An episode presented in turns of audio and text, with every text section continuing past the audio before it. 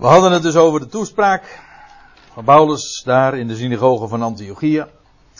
En nu had hij gezegd dat God nu eindelijk de belofte die aan de Vader geschied was, vervuld heeft. Volledig vervuld heeft. En het evangelie is de blijde tijding dat God nu Jezus heeft opgewekt. En dat is de vervulling van de belofte. Daar, dat is de essentie. We hebben een, dat is in feite wat Paulus daarmee zegt, een levende Messias. God heeft hem opgewekt. En dan gaat hij dat motiveren. Hij laat dat zien vanuit de schriften. Hij, en dan begint hij met een citaat uit de tweede psalm. Hij zegt dan in vers 33, gelijk in de tweede psalm geschreven staat, en ik kan u verklappen dat is in vers 7 wat hij nu gaat aanhalen, psalm 2 vers 7. Daar staat, en dat is een woord dat nog wel eens een keer aangehaald wordt in het Nieuwe Testament, of anderszins, zonder dat het echt een citaat betreft, daaraan wordt gerefereerd of daar wordt op gezinspeeld. U herinnert zich misschien, in elk geval ik herinner het me nog wel vrij goed, dat we het over Psalm, nee, Hebreeën 1 en 2 gehad hebben en daar wordt dit ook aangehaald. En zelfs ook vrij breed uitgelegd. En hier vinden we dus dat citaat uit Psalm 2. Schitterende psalm, ook zo'n profetische psalm. Weet u wel, die psalm die begint met waarom woelen de natieën en zinnende natieën en de volkeren op ijdelheid. En ze spannen dan samen. Het gaat over de, een profetie over wat er in de toekomst ook gaat gebeuren. Als alle volkeren ten strijde zullen trekken tegen Israël, naar het Midden-Oosten zullen gaan. Nou, en dan lees je dat God het woord neemt. En dan zegt hij. Uh, want dat is het citaat. Mijn zoon zijt gij, ik heb u heden verwekt. Mijn, en dan gaat het over Yahweh. Als u, staat, als u leest in Psalm 2 vers 7, daar staat. Ik zal gewagen van het besluit van, van het besluit des Heren, van het besluit van Yahweh. Yahweh wordt hier sprekend ingevoerd. Als hij zegt, mijn zoon zijt gij, dan is het Yahweh die spreekt. Mijn zoon ben jij, of ja, ben jij, bent u. Ik heb u heden verwekt. En dat heden, ja, dat slaat op de opstanding. Want er stond natuurlijk, laten we even laten we goed lezen. Wij, wij evangeliseren u de, dat God de belofte die aan de vaderen geschied is, aan ons, hun vaderen, hun kinderen, vervuld heeft. Namelijk door Jezus op te wekken. Gelijk in de tweede psalm geschreven staat: Mijn zoon zijt gij, ik heb u heden verwekt. Dus dat heden verwekt, dat slaat op de opstanding. Hij. Dat heden is dus de dag dat hij werd verwekt. Niet bij Maria. Nee, verwekt werd uit de doden. natuurlijk, hij was al de zoon. Mijn zoon zijt gij. Hij was al de zoon sinds hij verwekt was uit Maria. Was hij letterlijk dus de zoon van God. Maar vervolgens is hij nog een keer verwekt. Namelijk toen hij drie dagen dood was en toen God hem opwekte uit de doden. En dat heden verwekt, daar slaat daarop. Toen sprak God op die dag zijn zoon aan met: Ik heb je heden verwekt. Feitelijk dus voor de tweede keer.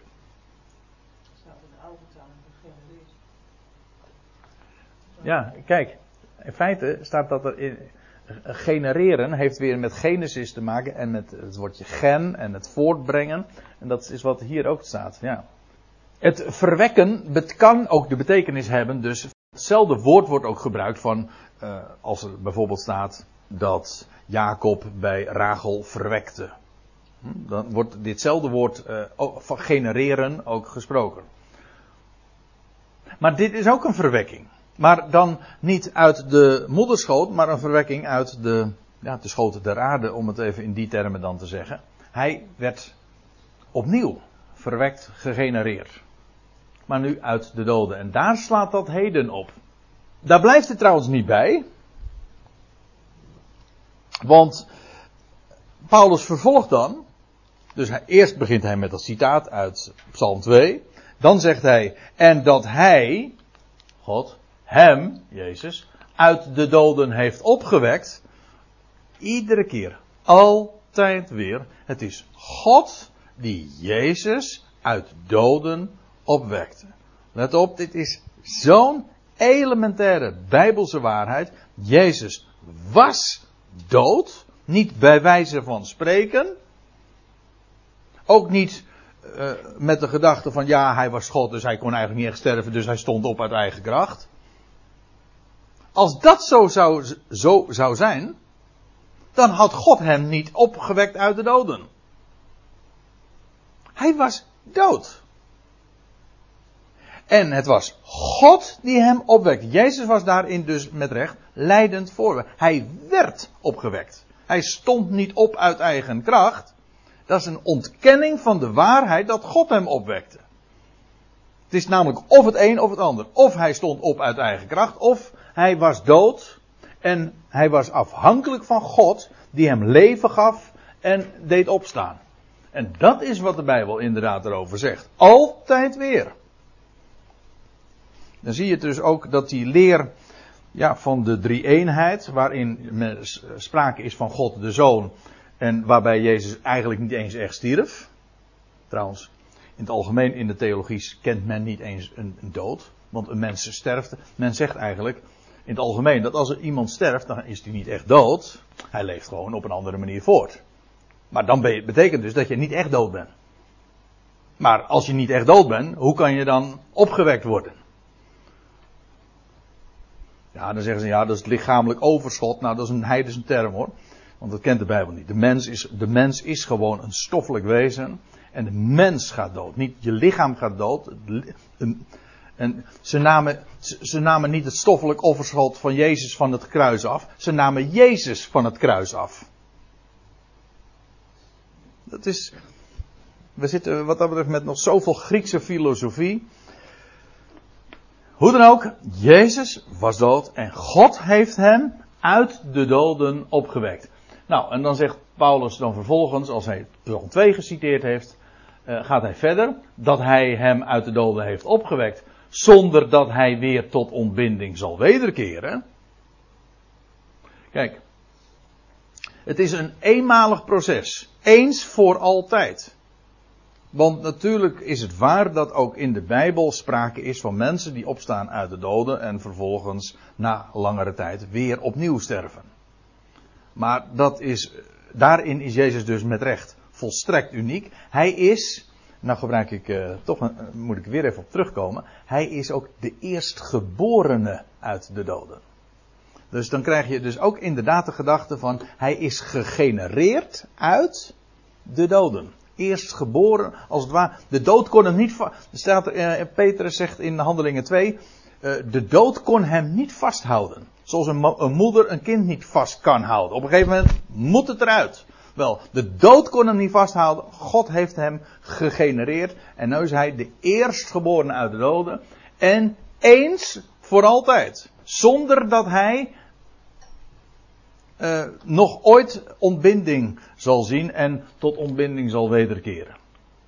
In Romeinen 6 vers 9 zegt Paulus, daar wij weten dat Christus, nu hij uit de doden is opgewekt, ook hier weer passief, hè, dat hij uit de doden is opgewekt, niet meer sterft, de dood voert geen heerschappij meer over hem. Of zoals u letterlijk ziet, de dood is geen heer meer over hem of van hem.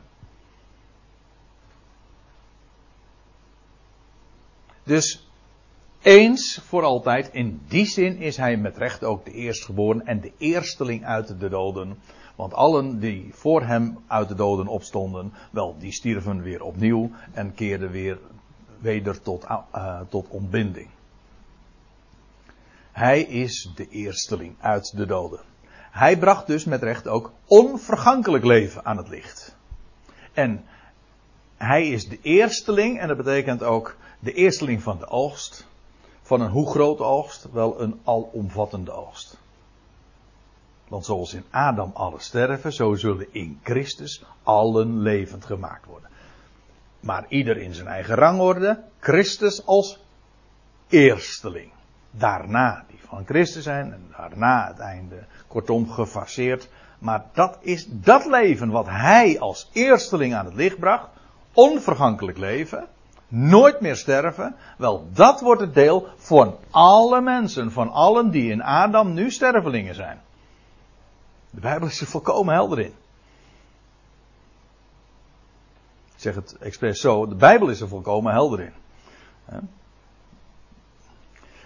Zij die zich van de Bijbel meester hebben gemaakt, die hebben het alleen maar onduidelijk gemaakt. En in feite ontkennen ze zelfs de kern van het verhaal. Wel. En dat hij uit de doden heeft opgewekt zonder dat hij weer tot ontbinding zal wederkeren. Heeft hij al dus gezegd. Nou gaat hij weer een citaat geven. En wel een citaat uit Jesaja 55. Je moet zich realiseren, Paulus was niet alleen een kenner van de schrift. Maar het publiek, die kende de Bijbel natuurlijk ook.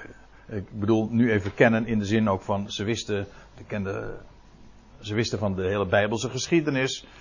Eh, dat, dat was voor hen zo vertrouwd. En ze konden dikwijls ook met hele lange citaten geven, zo uit het hoofd. Daar werden ze van jongs af aan in getraind. Uh, heeft hij al dus gezegd, en nou gaat hij dus een citaat uit Jezaja geven. Uh, ik zal u het heilige, letterlijk staat dit trouwens in het meervoud, u ziet het. De rechtschapenheden, de, de, en het gaat over het, het heilige, het meervoud, het gaat over de toezeggingen. Ik zal u het heilige of de heilige dingen van David geven dat betrouwbaar is. Wat, zijn die, het heil, wat is het heilige van David? Wel, dat is wat David is toegezegd. Wat David is beloofd. En vandaar ook dat het betrouwbaar is. Als God iets belooft, dan doet hij dat ook. Ik, zegt God, zal u, dat wordt tegen de zoon van David gezegd, het heilige van David geven dat betrouwbaar is. En dan ga ik u, neem ik u even mee naar Jesaja 55, want dit is dan één zo'n zin eruit. Maar dan lees je, als je het in zijn verband ook leest, in vers 3. Neigt uw oor, kom tot mij. Hoofdletter God. Hoort, opdat uw ziel leven. Ik zal met u een Ionisch verbond sluiten. De betrouwbare genade bewijzen van David. Eh, dat het enigszins verschilt met wat we hier zijn. Dat komt omdat dit een citaat is uit de Septuagint. Uit de Griekse vertaling van het Oude Testament. En dit is de Hebreeuwse weergave, zeg maar. In ieder geval, ik zal met u een eeuwig verbond sluiten. De betrouwbare genade bewijzen van David. Dat wil zeggen dat wat aan David is beloofd, puur om niet, dat is betrouwbaar. En zie, ik heb hem, David, nou, nee. Ja, David en zijn zaad. Ik heb hem tot een getuige voor de natieën gesteld, tot een vorst en een gebieder van natie. Dus, dus niet die troon van David, dat wat aan David beloofd is. In feite gaat heel de Bijbel uh, daarover. En, het, en in het Nieuwe Testament wordt dat zo dikwijls benadrukt. Over de zoon van David. Ja, dat is de Messias. De troon van David, die zal worden hersteld. Precies de plaats waar het hoort, namelijk in Jeruzalem. En Jeruzalem is daarbij niet alleen maar de hoofdstad van Israël, van het volk, maar een, hij zal zijn een vorst en een gebieder van natieën, van de volkerenwereld. En zelfs van alle volkeren lees je. Dat is Jezaja 2, Jezaja 11. Dus Jeruzalem wordt de hoofdstad van de wereld. En het, dat koningshuis van David, waar nu al duizenden jaren geen sprake meer van is, die zal straks worden hersteld. Of dat zal worden hersteld en uh, in glorie worden uh, gerestaureerd. De, hoe zegt, uh, dat is handelingen 15 trouwens, daar komen we bij een latere gelegenheid nog over te spreken. Maar dan wordt er gezegd, dan zal de vervallen hut, dat is een citaat dat je uit Amos 9, dus wordt er gezegd, de, ik zal de vervallen hut van David. Want die, dat koningshuis, dat was gewoon een vervallen hut geworden. Er was niks meer van over. Elders wordt er gesproken over, het is de, de afgehouwen tronk van Isaïe. Dus die stamboom is afgehouden, er is niks van over. Ja, wacht even, maar er, er zal een reisje voortkomen uit de afgehouden tronk van Isaïe. Een reisje, nieuw leven. Uit wat dood gewaand werd, zal er toch één zijn, nieuw leven aan het licht brengen. En hij is het die, die dat koningshuis, die vervallen hut, zal restaureren. En in, in glorie als nooit tevoren. Want David, in zijn dagen, heeft Israël, is koning over Israël geweest. Hij heeft de vele volkeren om hem heen, heeft hij on, uh, onderschikt gemaakt. Het was ook echt een wereldrijk. Vervolgens, David had weliswaar bloed aan zijn handen, heeft vele oorlogen gevoerd. Maar het is de zoon van David. Ik hoop dat u net zo dubbelzinnig nu luistert als ik het zeg. Het is de zoon van David, Salomo, de vredevorst, die dan vervolgens dat nog uitbreidt, maar een vorst wordt in vrede. Dat is een enorm wereldrijk geweest in die dagen. Wel, die glorie, maar dan nog veel groter, meer dan Salomo, zal straks eh, gerealiseerd worden in deze wereld, maar dan in de toekomende aion. En dan zal dat. Uh, het, kon, het koninkrijk van God is dus een heel concreet koninkrijk. Met recht een koninkrijk. We hebben het over een dynastie. We hebben het over een, een, een plaats die al getraceerd is en gelokaliseerd. Jeruzalem, dat is de plaats waar dat koninkrijk gevestigd wordt. In deze wereld, vanuit Israël en vervolgens over de hele volkerenwereld. Maar dat, voor dat koningshuis van David en dat herstel ervan, hebben we dus een koning nodig. En die koning is er. En hij leeft. Dat is wat Paulus zegt. Hij leeft. Hij is opgestaan uit de doden. Vele getuigen zijn daarvan. Hij zelf was ook daar een getuige van, op een hele bijzondere manier. Dat brengt hij trouwens hier niet ter sprake.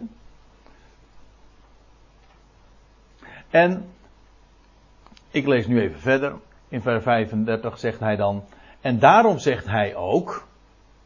In een andere psalm. En nou ziet hij het weer uit het boek der psalmen. Of uit de boeken der psalmen. Want psalmen zijn eigenlijk vijf boeken. Uh, uit een andere psalm. En dat is psalm 16. Dat is een, ook een bekende psalm trouwens in dit verband. Want ook Petrus haalt dat aan. Psalm 16 vers 10. Gij zult uw heilige geen ontbinding doen zien. Uw heilige, dat zijn degene, dat is degene aan wie die toezeggingen gedaan waren. Wie die toezeggingen betrekking hadden. Dat specifieke woord wat in vers 34 gebruikt wordt, wordt hier weer gebruikt.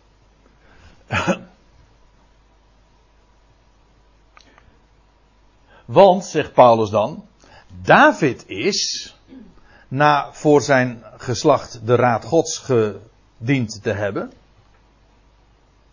Kijk, David heeft zijn eigen generatie uh, geleefd. En hij heeft de raad van God gediend. Hij assisteerde in de raad van de God.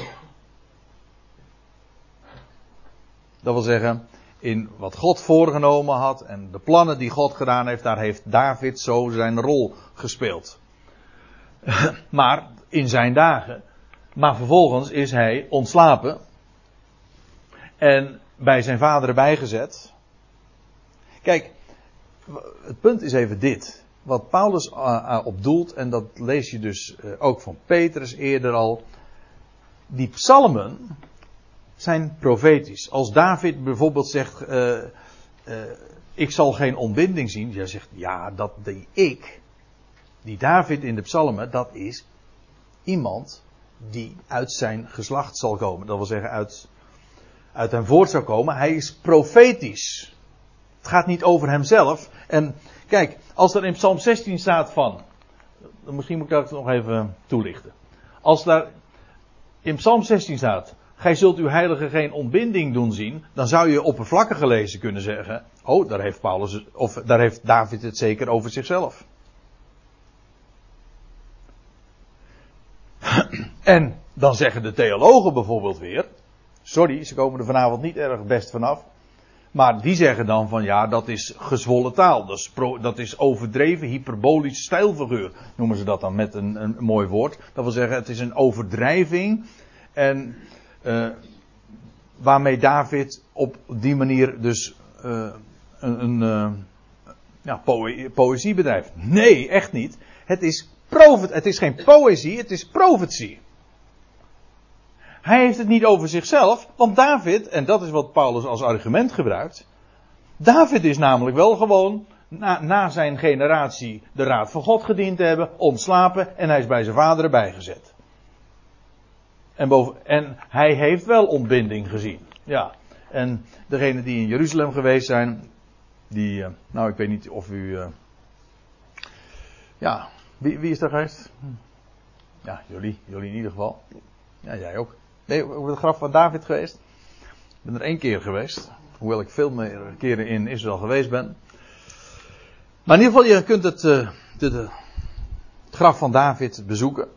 Daar is trouwens nog wat meer om te doen dat ik nu eventjes ver, uh, vertel hoor. Maar in elk geval, de, het is een bekende plaats. Met andere woorden, David heeft wel ontbinding gezien. Dus als David zegt, gij zult uw heilige geen ontbinding doorzien, heeft hij het niet over zichzelf. Nee, dat is duidelijk. Maar, over wie dan wel? Hij die God heeft opgewekt, die uit het zaad van David komt, die heeft geen ontbinding gezien. Weer, hij die God heeft opgewekt, die heeft geen ontbinding gezien. Hij nam waar geen ontbinding waar. En dan gaan we weer even terug naar Petrus in Handelingen 2. Want dat wat Paulus hier zegt, dat is dezelfde taal die ook Petrus bezigt. Ooit op de Pinksterdag in Handelingen 2. Leest u met me mee. Daar staat, als Petrus dan ook Psalm 16 en nog andere psalmen heeft aangehaald, en dan zegt hij, concludeert hij, mannenbroeders. Men mag vrij uit tot u zeggen van de aartsvader David dat hij en gestorven en begraven is. En zijn graf is bij ons tot op deze dag. Hij kon hem aanwijzen en wij ook. Daar hij nu een profeet was en wist, David wist waar hij het over had.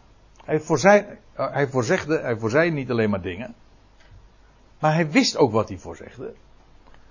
En hij wist dat God hem onder ede gezworen had.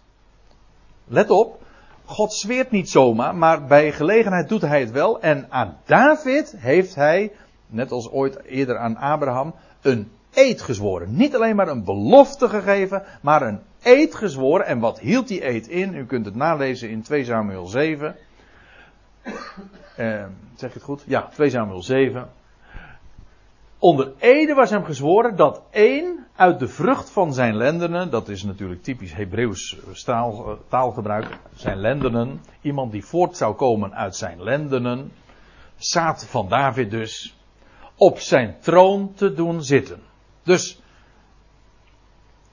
er zou iemand komen, David wist het, David heeft ervan voor, van gesproken en hij als profeet heeft hij dat voorzegd bijvoorbeeld in Psalm 16, dat iemand uit de vrucht van zijn lendenen op zijn troon zou gaan zitten.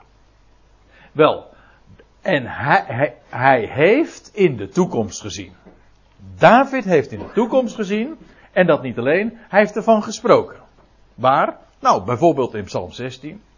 Hij heeft in, uh, in de toekomst gezien en gesproken van de opstanding van de Christus, van de Messias, de Mashiach dat hij, dat hij, de Christus, niet aan het dodenrijk is overgelaten, noch zijn vlees ontbinding heeft gezien. Je ziet, Petrus heeft het hier over dezelfde dingen als Paulus in Handelingen 13 in de synagoge van Antiochië. David was een profeet. David heeft ook gesproken over hem die na hem zou komen, uit zijn lendenen zou voortkomen. De Messias, die zou opstaan uit de doden en die eens voor altijd zou leven en geen ontbinding meer zou zien. Wel, Dat is waar David van sprak. Dus wat Paulus in Handelingen 13 zegt, daar in de synagoge van, van Antiochië, is volstrekt gelijkluidend aan wat Petrus al veel eerder daar in Jeruzalem al verkondigde. Nou zegt hij, het zij u dan bekend, mannenbroeders. En nou volgt eigenlijk weer een nieuwe episode in het verhaal. Eigenlijk het slot van de toespraak. En ik zie dat we niet meer zo ver komen dat we dat kunnen afsluiten. Dus dat uh, parkeren we dan voor de volgende keer. Maar u merkt, als Paulus zich zo formuleert, zich zo uitdrukt, dan, uh, dan komt hier een, een, conclusie. Het zij u dan bekend. Dit alles overwegend, nou, dit zo uiteengezet hebben, het zij u bekend mannen, broeders, mannen, broeders, dat door hem, dat door deze, u vergeving van zonden wordt aangekondigd. Hier staat inderdaad verkondigen of aangekondigd. Ja, nou moet ik er nog iets bij zeggen. En dat is dat hier het woord vergeving is in het Grieks avesis. En dat is maar niet alleen maar het niet toerekenen van schuld. Ja, bij ons heeft de beteken, het woord vergeving die betekenis. Maar dat is een heel versmalt begrip. In werkelijkheid betekent afesis aflating. Leuk trouwens, want een aflaat. Die kon je vroeger kopen. Maar een aflaat is eigenlijk niks anders dan vergeving. Aflaten, loslaten, overlaten. Overgeven is het eigenlijk ook. Vergeven, zet er een O voor, dan is het overgeven. Dus dat, de betekenis is, je laat ervan af, je geeft het over, je laat het los. De betekenis van afesis is aflaten of loslaten, vrijlaten.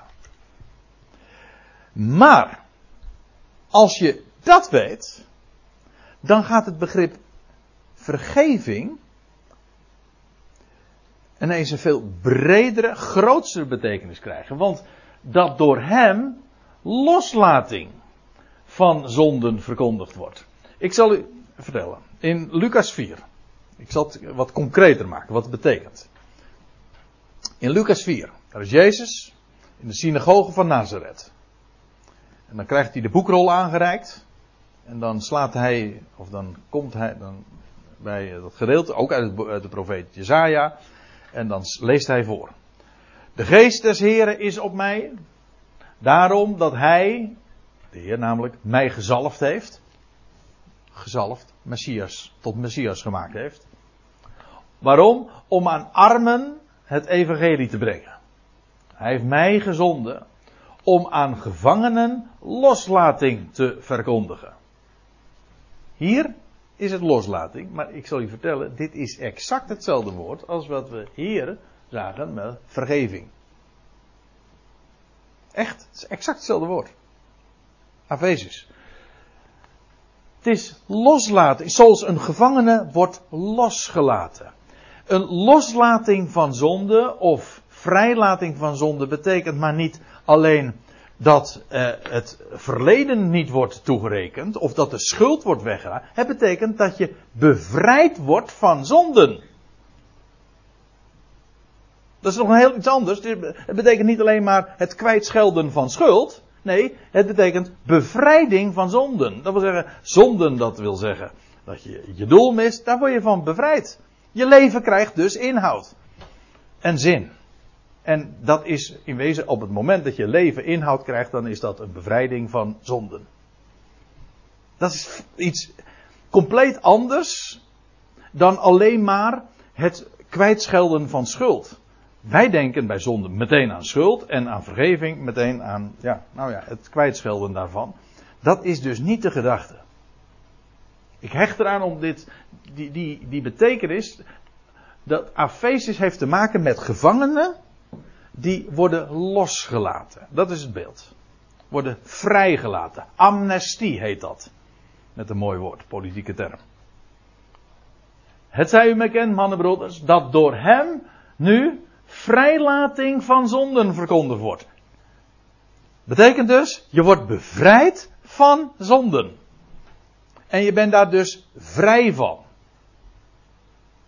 En ik weet wel, ook dat is weer, uh, dat is weer theologie. Daar heeft men ervan gemaakt. Vergeving van zonde betekent dat de schuld wordt, uh, vrij, wordt weggedaan. Dat wil zeggen, je hebt geen last meer van je verleden. Maar van je verleden dus. Maar in je heden is er dus nu niks veranderd. Terwijl loslating van zonde wil zeggen juist dat je in het heden bevrijd wordt. Je leven krijgt zin en inhoud en dus niet meer. Uh, dus ben je losgelaten, je, bent, je was een gevangene van zonde en nu ben je vrijgelaten. Je leven krijgt zin en betekenis en een doel. En dus is dat bevrijding van zonden. Het heeft dus niet te maken met verleden, het heeft te maken met heden. En de toekomst. Zodat je inderdaad leeft. En er zijn talloze mensen die wel zeggen dan van ja, ik weet dat mijn schuld is weggedaan, maar die nog, nog vreselijk zitten te tobben met hun zonde en daar tegen strijden en denken ook dat hun hele leven te moeten doen. Ik, ik moet strijden tegen mijn zonden. Dan ben je nog steeds een gevangene. Dan ben je nog steeds een gevangene. En ja, wat dan in de vers 39 nog uh, daarbij aan toegevoegd wordt dat is nog veel meer, want dan gaat Paulus het over rechtvaardiging hebben. Dus het is bevrijding van zonde, maar ook rechtvaardiging. Ja, en dan compleet buiten de wet van Mozes om. Maar ik zou daar liever wat, nog wat speciale aandacht aan willen geven. En dat is, voert nu te ver voor vanavond. Dus ik stel voor dat we dat een volgende keer gaan doen. Dan beginnen we inderdaad uh, nog even bij uh, vers, vers 38 en dan te meer omdat hier ook eigenlijk de conclusie van de toespraak volgt en het slot daarvan. Dus dat uh, zouden we dan de volgende keer gaan bespreken. Zullen we het daar dan bij laten voor vanavond?